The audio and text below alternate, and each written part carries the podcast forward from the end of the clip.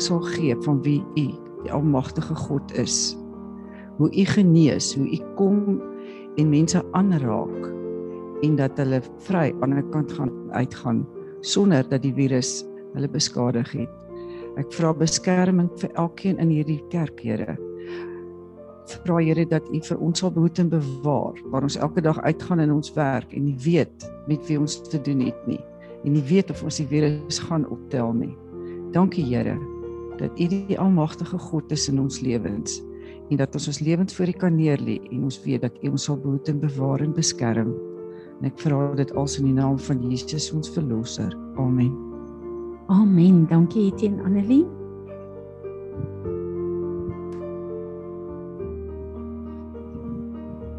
Here, dankie dat ons net in hierdie dag van Amerika aan U kan kom opdra. Here, ons weet U het 'n plan en 'n purpose vir Amerika en um, ek kom bid net dat dit sal geskied. Here, dat ons weet U is in beheer al lyk dit vir ons of um dit mal gaan daar en dit almal net doen wat hulle wil. Weet ons dat U nog steeds in beheer is U um sal nie toelaat dat Amerika ondergaan nie en U sal elke persoon daar help. Here, dankie dat ek net kan vra dat U engele sal instuur onder die mense en 'n werk sal begin verrig wat U daar wil doen. Here, dankie dat ons net kan kom bid vir elke persoon daar, elke Christen daar wat op U vertrou om die land te kom red. Ek bid dat U um, hulle geloof sal versterk en dat U met elkeen van hulle sal wees, dat hulle sal bid wat op U hart is en dat hulle nie sal ophou bid nie en dat hulle sal sterk staan vir dit wat U wil kom doen.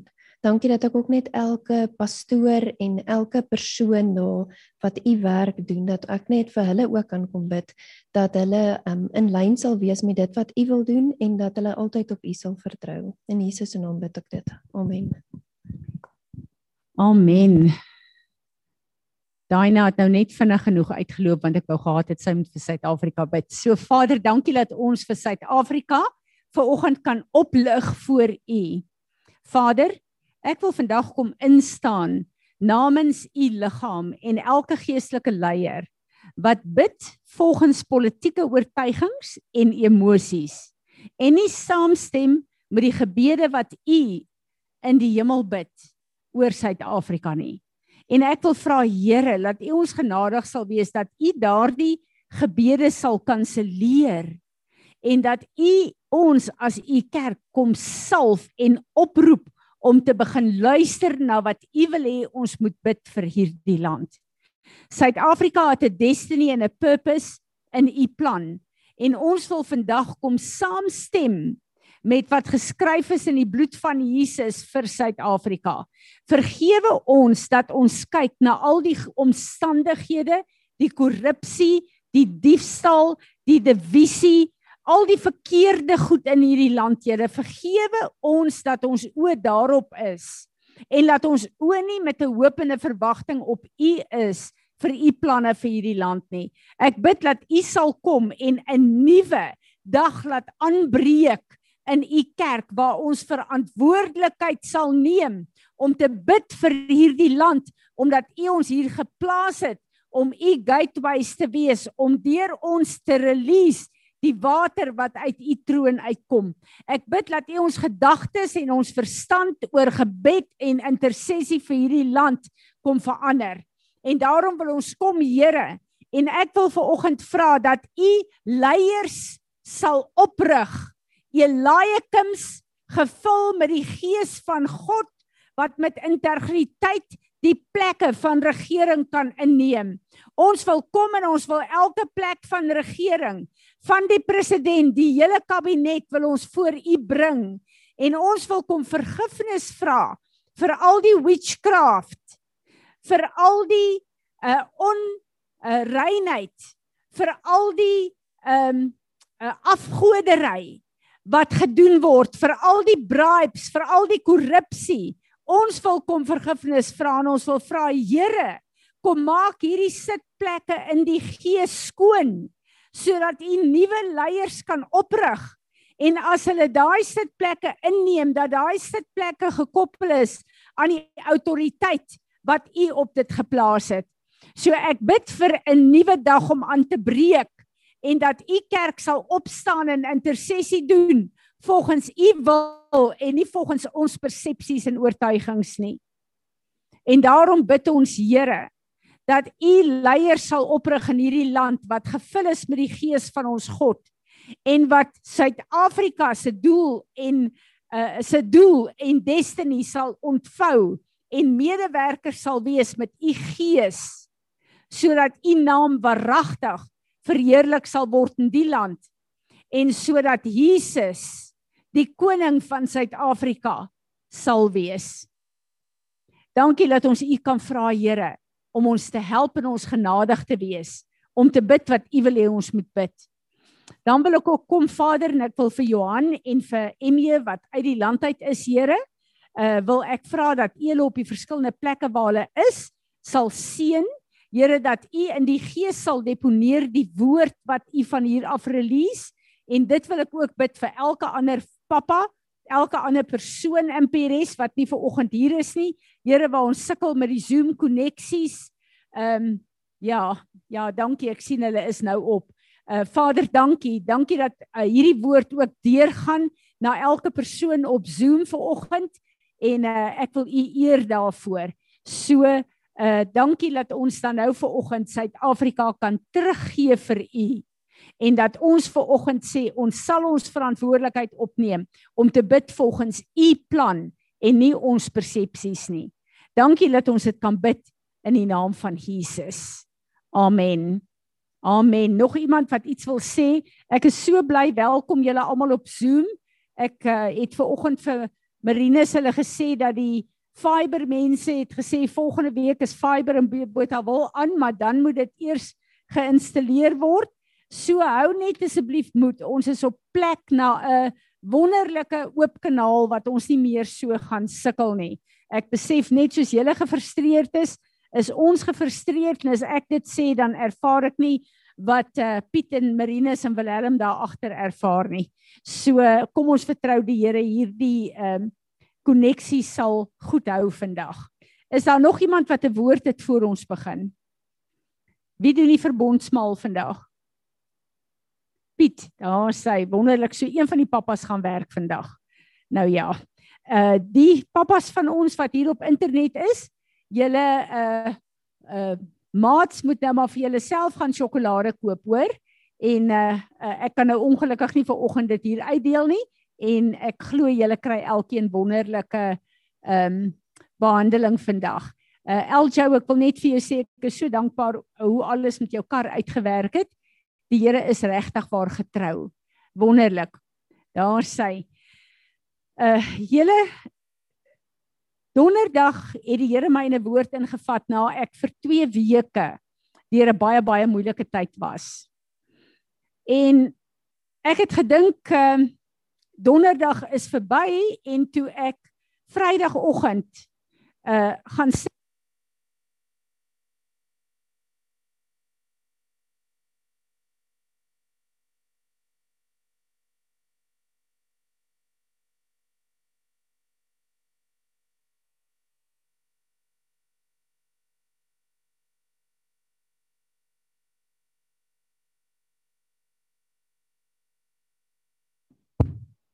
en ek spandeer tyd by die Here, uh gaan my oë na iets wat ek op my iPad sien van Perry Stone en ek maak dit oop en dit gaan aan presies met waar ek donderdag opgehou het en ek besef die Here praat met my en dit is 'n boodskap wat 'n vervolg het. So die van julle wat kan gaan luister asseblief na donderdag se boodskap. Dit gaan maar oor 'n plek waar ek 'n uh, groot offens gevat het teenoor iemand en waar uh, die Here my gewys het dat wanneer ons offens vat, kry ons onvergifnis en bitterheid. En dan kom die tormentors soos in Samuel se tyd. En hulle kom torment jou. En die Grieks, die die Hebreëse woord vir daai tormentors is iemand met 'n hoop wat jou aanhoudend slaan. En later voel jy regtig waar jy kan nie dit meer vat nie. Jy voel jy is waardeloos, jy is en dit is die uh uh die krag wat daar in offens is. En uh, ek gaan en ek gaan kyk na hierdie uh, ding van Perry Stone. En die boodskap wat hy hier sê is um the will of Satan. En ek besef dat ons as kinders van die Here is gefokus op God se wil vir ons. Maar daar is plekke wat ek en jy ons onderwerp aan Satan se wil. En die oomblik as ons dit doen, is ons so gebind. En ek wil begin en ek wil 'n skrif lees vir ons uit Timoteus, 2 Timoteus 2 vers 22 tot 26. Shun youthful lust and flee from them and aim at and pursue righteousness, all that is virtuous and good, right living, conformity to the will of God in thought, word, and deed, and aim at and pursue faith, love, and peace, harmony, and concord with others, in fellowship with all Christians who call upon the Lord out of a pure heart, but refuse, shut your mind against, have nothing to do with traveling, ill informed, unedifying, stupid controversies over ignorant questionings. For you know that these foster strife and, uh, and breed quarrels. And the servant of the Lord must not be quarrelsome, fighting and contending. Instead, he must be kindly to everyone and mild tempered, preserving the bond of peace. He must be a skilled and a suitable teacher, patient and forbearing and willing to suffer wrong. He must correct his opponents with courtesy and gentleness in the hope that God may grant that they will repent and come to know the truth. That they will perceive and recognize and become accurately acquainted with and acknowledge it, and that they may come to their senses and escape out of the snare of the devil, having been held captive by him. Hierdie woord wat Paulus skryf vir die gemeente in Efese waar Timoteus die dominee was, die pastor was. Kom hy en hy skryf en hy sê daar is Christene wat offens neem en gee. En hulle gee hulle self oor om in gevangenskap te gaan deur die duiwel. Met hulle gesindheid, met hulle woede, met hulle onvergewensgesindheid. En dis my baie interessant toe ek ek weet nie wanneer was dit nie man nie in die week met uh, Johan sit en ek deel met hom wat met my gebeur het en hoe moeilik dit was. En ek besef dat ek is da ek is dankbaar ek is daardeur en ek hoop regtig waar dat hierdie tipe van ervarings die minimum is.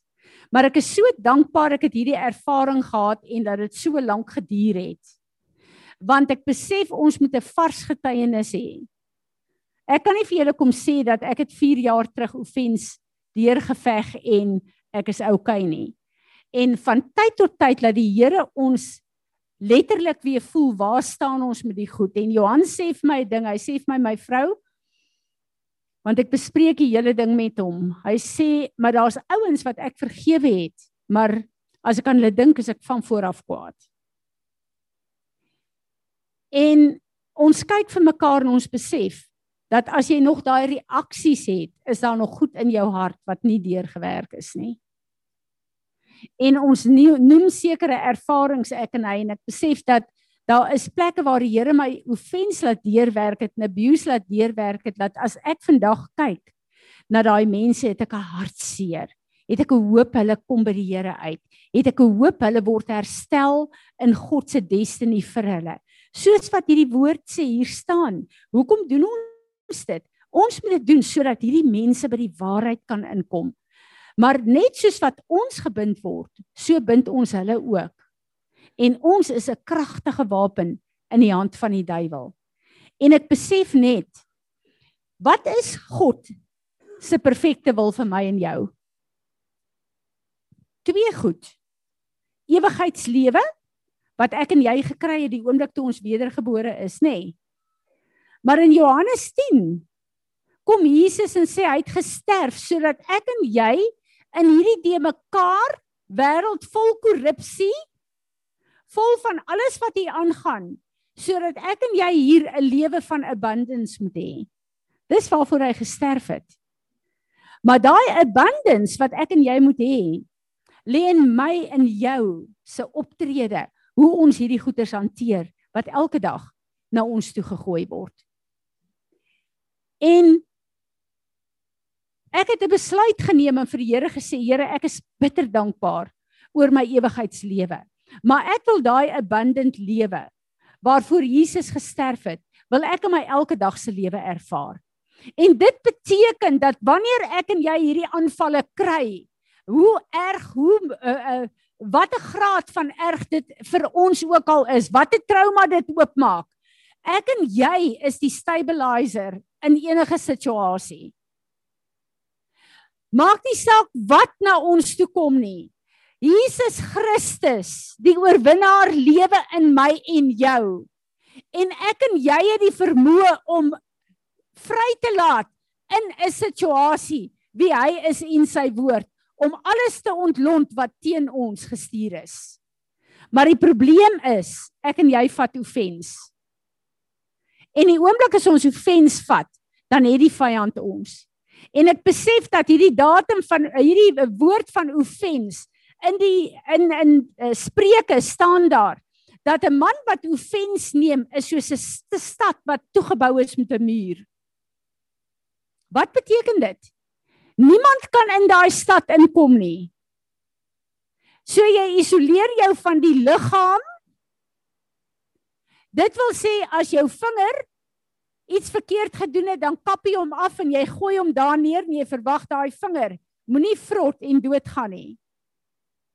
Daai vinger kan nie oorleef nie. Hoe kan ek en jy oorleef as ons ons afsny van God se liggaam op aarde? Maar meer is dit. Ek en jy kan ook nie uitgaan nie. Ek en jy is in gevangenskap. En ek besef dat offens word toegedraai in baie verskillende verskillende verpakkings. Ek het 'n 'n 'n voorliefde om 'n pak quality street in 'n bottel te gooi en vir my kleinkinders te hou as hulle uh, kom kuier en dan te kyk wie kies watter. Alles is lekker goed. Maar elkeen te verskillende verpakking. So bietjie anders in hulle smaak, maar alles is lekker goed. En dit is hoe offens is. Dit word toegedraai in baie verskillende verpakkings. En baie keer lyk dit so goed en reg. En die probleem van offens is ek en jy kan onsself regverdig in dit. Want offens beteken daar word verkeerd teen my en jou opgetree, meeste van die tyd. En ek is reg. En dis die groot gevaar van offens. Ek en jy voel ons het 'n reg. En ons vergeet, ons het ons reg neergelê toe ons Jesus aangeneem het as ons verlosser. Maar met offens wil jy net weer lewendig word en self hierdie offens hanteer. Self hierdie mense hanteer, self hulle aan die kant maak. En ek wil vir julle sê hier is 'n fyn lyn. Want daar is 'n plek waar ek en jy as kinders van die Here nie kan toelaat dat mense van ons vloerlappe maak nie. Dit het niks daarmee te doen nie. Jy gaan nie laat mense oor jou loop en die getuienis van wie jy is afkraak met hulle optrede en die manier wat hulle jou behandel nie. Maar jy gaan dit hanteer op so 'n manier dat na die tyd as die Here vir jou sê om daai persoon hier na Jesus toe te lei, dat daai persoon vir jou genoeg respek sal hê om jou toe te laat om dit te doen. En ek dink dis daai fyn lyn 'n baie interessante ding is as ons kyk na hoe die vyand kom. Wat doen hy as ons offended raak? Hy kom heel eers en hy kom breek ons integriteit af. En dan breek hy ons reputasie af. Want hy wil ons invloed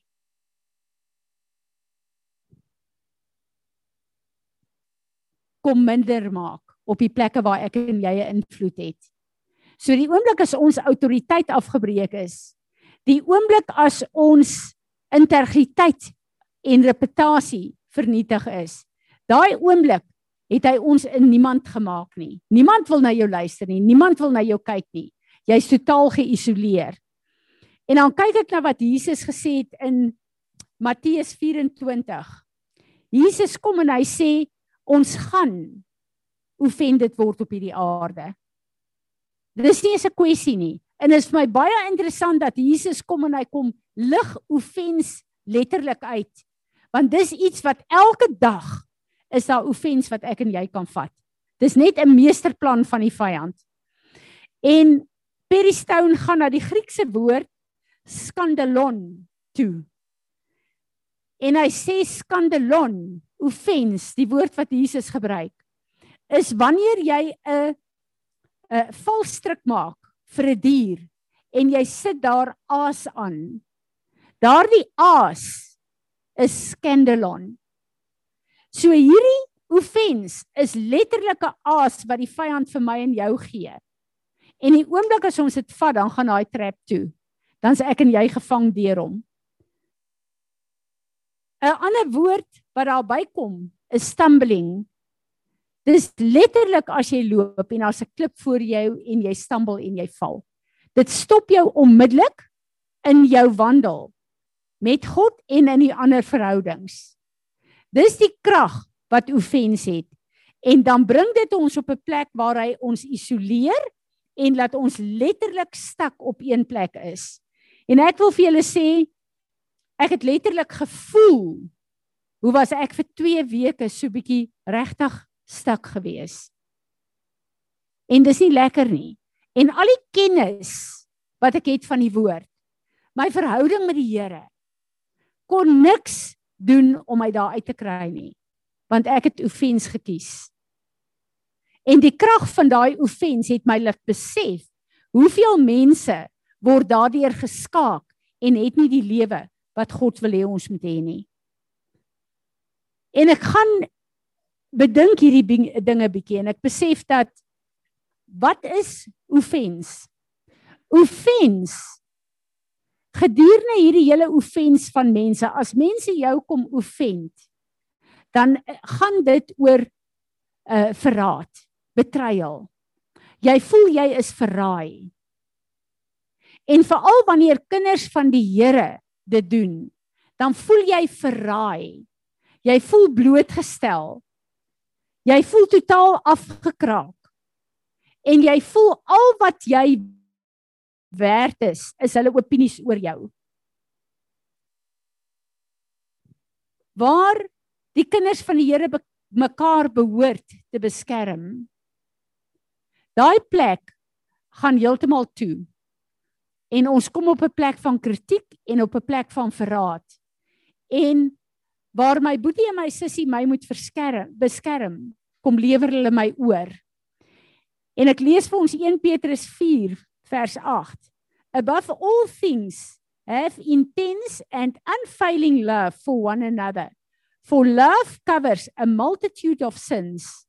Forgiveness and disregards the offenses of others. Die liefde wat ek en jy vir mekaar behoort te hê, word heeltemal verraai. En hierdie skrif in Petrus het julle al agtergekom Dink gou aan iemand wat jy regtig waar lief is vir. Daar's baie min wat daai persoon kan doen wat jou gaan offend of wat verkeerd in jou oë gaan wees. Is dit nie so nie? As jy regtig lief is vir iemand. Maar dink aan iemand wat jy kritiseer. Jy sal net so lank lys baie vinnig kry van wat verkeerd is na die ou se lewe. Liefde het die vermoë om ons foute toe te maak. En as ek en jy in liefde, God se liefde, wandel vir mekaar, sal ons mekaar se rug toemaak. En as iemand kom en vir my 'n uh, platante ding van Sanet sê, dan sal ek vinnig sê, maar weet julle wat? Sanet kan as daar iemand iets kort kom is Sanet daar. Sy help mense. Sy uh, is vrolik. Sy uh, ek kan al die wonderlike goed wie Sanet is dadelik oplig om daai ou se opinie te te kanselleer. En dit is waaroor dit gaan. Ek en jy, God se liefde in ons moet mekaar se foute toemaak. En dan wil ek kom by 'n tweede ding wat die vyand gebruik om ons in gevangenskap te bring. Die Engelse het 'n mooi woord daarvoor, second hand offense. Laat iemand net vat aan my man en hom te nakom, dan spring ek letterlik boots and all in daai geveg in. En ek is so offended en ek staan saam met hom in sy offense. En dit is 'n oorlog in 'n kleine wat plaasvind. En alles wat hy voel teenoor die persoon wat hom offend het, vat ek ook, want daar's 'n soul tie tussen ons. En ek kom met my second hand offense en ek kom versterk al sy fights. In plaas daarvan as hy na my toe kom en vir my sê, ehm, um, wil hulle met hom offend en te nagekom. Plaas daarvan dat ek saam met hom teen Willem optrek, moet ek uitklim en sê nee.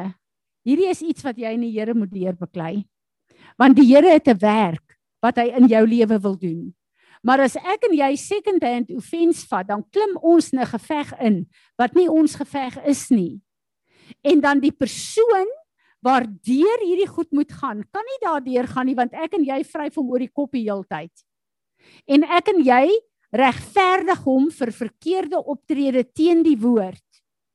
En vertel hom hoekom hy kan voel en bly soos wat hy is op hierdie stadium.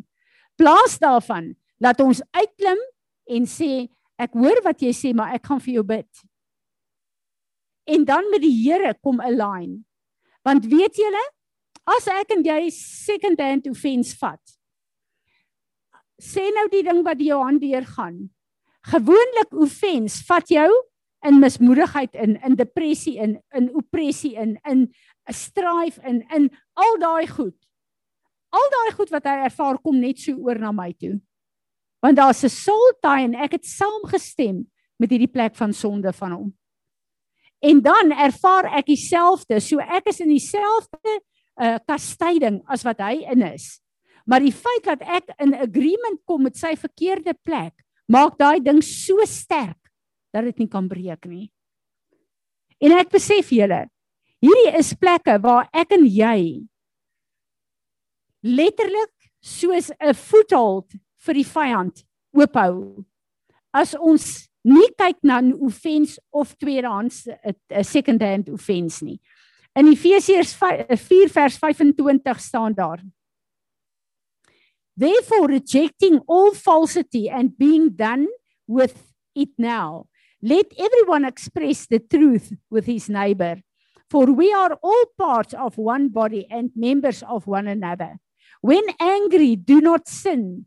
Do not let your wrath, your exasperation, your fury or your indignation last until the sun goes down. Leave no such room or foothold for the devil. Give no opportunity to him. Hier kom die Here en hy sê, moenie as jy kwaad word sondig nie. Ons kan kwaad word. Jesus het ook kwaad geword. Maar deel met jou woede op die regte manier en handel dit af.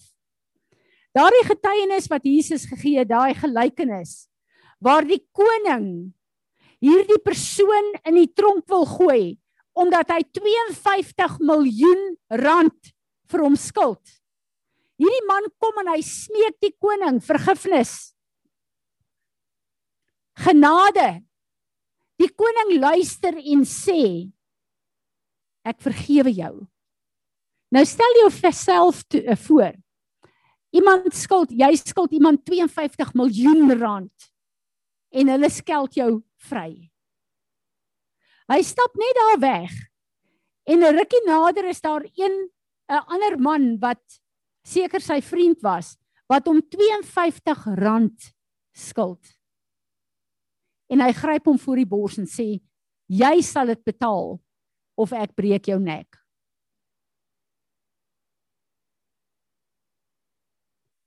En ek besef net, dit is letterlik soos wat dit gaan as ons onheilig met mekaar verbind. Dan is daar nie 'n plek vir die genade van God in 'n situasie nie. Wat my 'n hartseer ding is julle en ek praat van myself, maar ek weet ek praat van julle julle ook. Hoeveel keer stap ek en jy by sê nou maar Spur in of Pick n Pay in en dan kom daar 'n klomp mense in of ons by 'n geleentheid openbare geleentheid en 'n klomp mense wat bekendes is stap in.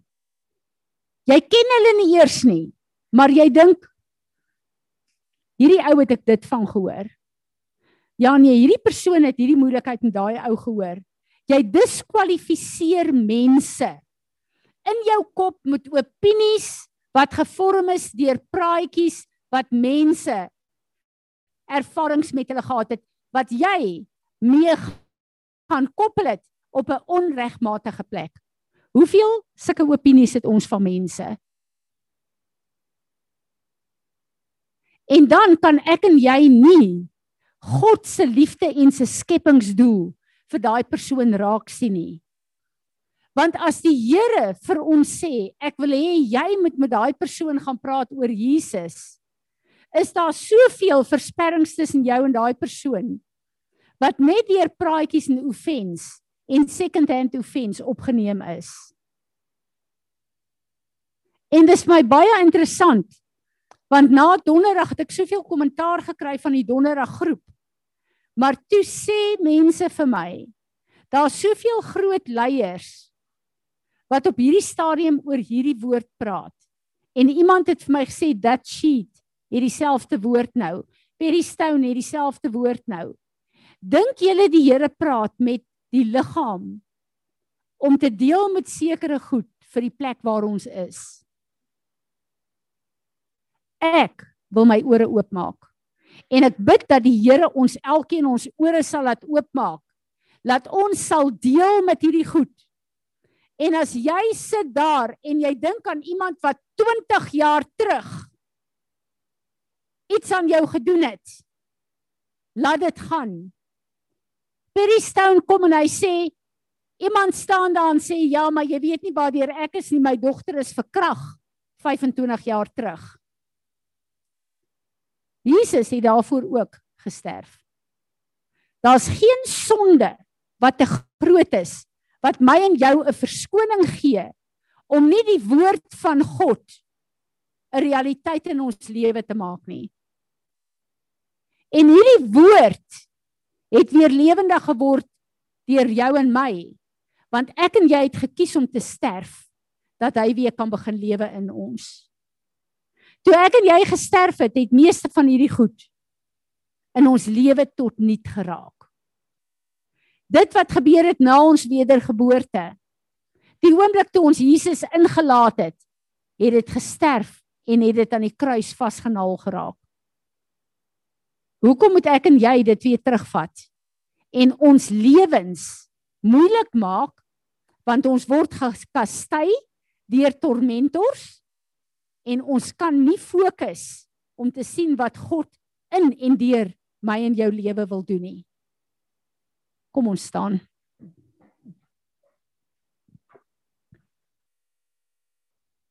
Vader, as ek opnuut weer luister na hierdie woorde terwyl ek dit uitspreek, dan besef ek ons wil kom buig vandag voor U in totale repentance. En ons wil U toelaat Heilige Gees dat U ons sal help om klaar te maak met offens en goed van die verlede. U sê in U woord moenie boekhou van die kwaad nie. Maar die goed wat ons nie kan laat gaan nie is kwaad wat ons lewendig wil hou. Help ons, help ons. Vergewe ons asseblief. Kom was ons opnuut.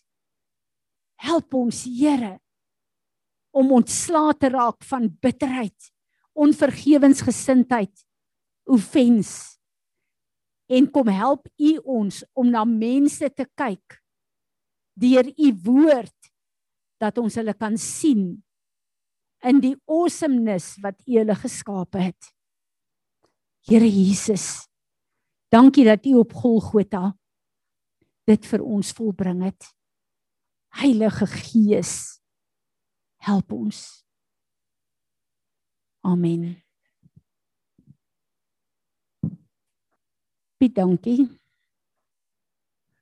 Ek sit die laaste tyd met 'n ding en en dink en dis my so interessant dat ons almal weet dit 'n ding wat stagneer is is besig om dood te gaan en dit raak on jy weet dit raak glad nie meer relevant as wat tyd aangaan nie. En ons almal weet dit en ons almal op 'n daaglikse basis ons besig om jy weet te veg daarteen om nie te stagneer nie en om jy weet om aan te gaan met goed met met fiksheid met kennis met in die werk waar ons is maak nie saak wat ons doen nie ons weet maar as jy nie gaan bybly met die tye nie dan dan gaan die wêreld net verby jou gaan. Maar vir een of ander rede wanneer dit met ons identiteit kom in die Here, het ons hierdie houding maar ons wil net gevinnig daar uitkom en dan is ons klaar. Dan het ons ons identiteit gekry en ons weet wat ons identiteit is en dan gaan jy maar net met die res van jou lewe aan. En die Here het my in Genesis 12 ingevat met met Abraham. En Genesis 12 sê baie baie interessante ding Ek gaan 'n stukkie hier lees. En die Here het aan Abraham gesê: "Gaan jy uit jou land uit, uit jou familie, uit jou vader se huis na die land wat ek jou sal wys.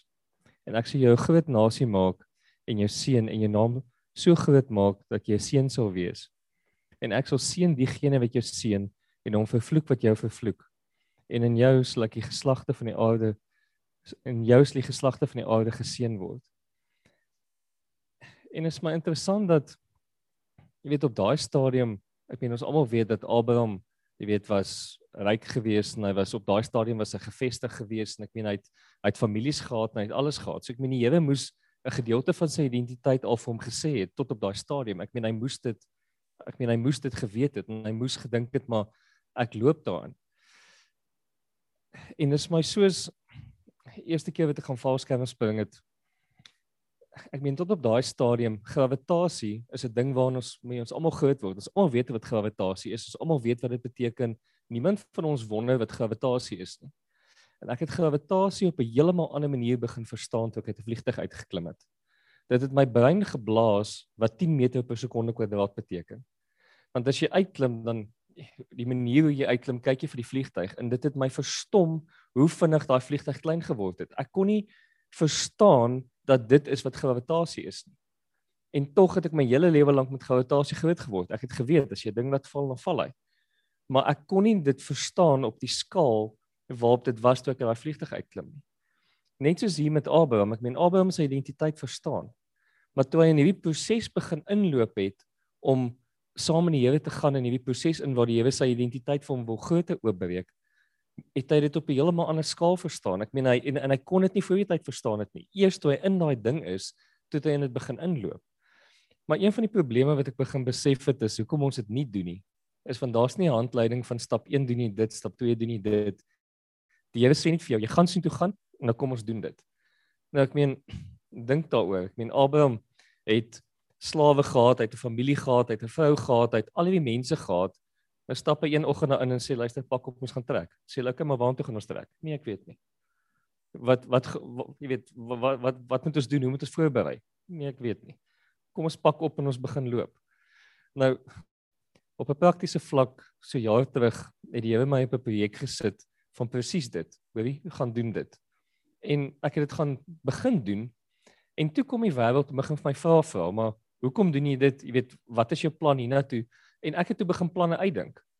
En nie een van die planne wat ek toe begin uitdink het, het gewerk nie, want dit is nie wat die Here vir my gesê het nie. En ek het begin offens vat in die Here is gevolg van dit. Want die planne wat ek het, jy weet, werk nou nie uit nie. Dit dit is nie, jy weet, dit dit is nie wat hy vir my gesê het nie. So dit is 'n moeilike plek om daar in te gaan en in daai ding in te stap en die Here te glo, maar tog in Genesis 15 vers 6 staan daar En Abraham in die Here geglo en die Here het dit vir Abraham toegereken as geregtigheid. En is eers as ons in daai plek kom wat ons werklik die Here begin glo en nie meer die wêreld se opinies oor ons glo nie. Wat ons by die plek gaan uitkom waar ons werklik in die Here se genade ons loop altyd in die Here se genade, maar ons werklik in sy identiteit kan loop en in sy plan vir ons lewens. So, ek wil net vir ons bid hierso. Here, ek wil vir dankie sê vir die genade wat ons loop elke dag. Here, dankie dat U 'n plan het met elkeen van ons lewens. Here, ek wil net kom vergifnis vra vir al die plekke in ons lewens waar ons offens het teenoor U omdat die planne wat ons uitgedink het nie in lyn is met die planne wat U het nie en dan werk dit goed nie uit nie. Dan werk dit nie uit soos ons dink dit moet uitwerk nie. Here help ons om die planne uit te loop saam met U. Al is daar nie handleiding nie, al is daar nie 'n stap 2, 3 en 4 wat ons vir die tyd weet nie. U sê tog die woord is 'n is 'n lig vir ons voete, 'n lamp vir ons voete, Here. Here help ons om dit te glo. Help ons om in daai geloof in te kom sodat ons U sal glo en dit elke dag sal uitloop. Dankie daarvoor, Here. Amen. is my een van die wonderlikste songs. Ehm um, elke keer as ons dit sing, dan besef ek dat sy getrouheid in ons lewe.